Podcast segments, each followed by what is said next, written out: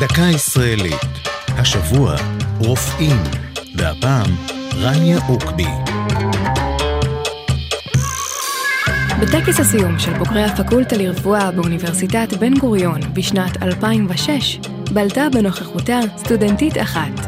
הייתה זו רניה אוקבי, שהפכה בכך לרופאה הבדואית הראשונה בארץ.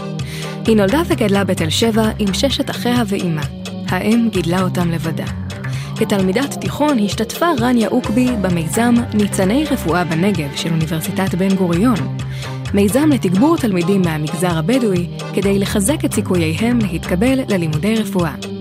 כיום היא עובדת כרופאת נשים, גינקולוגית בבית החולים סורוקה, וגם מרצה בפקולטה למדעי הבריאות באוניברסיטת בן גוריון בנגב. שם מנהלת הדוקטור אוקבי תוכנית דומה לזו שבעזרתה התקבלה ללימודים. וכך היא ממשיכה בשליחותה למען המגזר הבדואי וגם למען אוכלוסיות מוחלשות אחרות בנגב.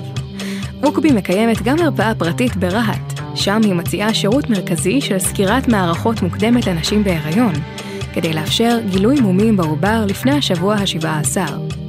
שירות זה חשוב במיוחד לנשים המוסלמיות המסורתיות המאמינות בחוקי השריעה, לפיהם, אם יש מום בעובר, אפשר להפסיק את ההיריון רק עד מועד זה.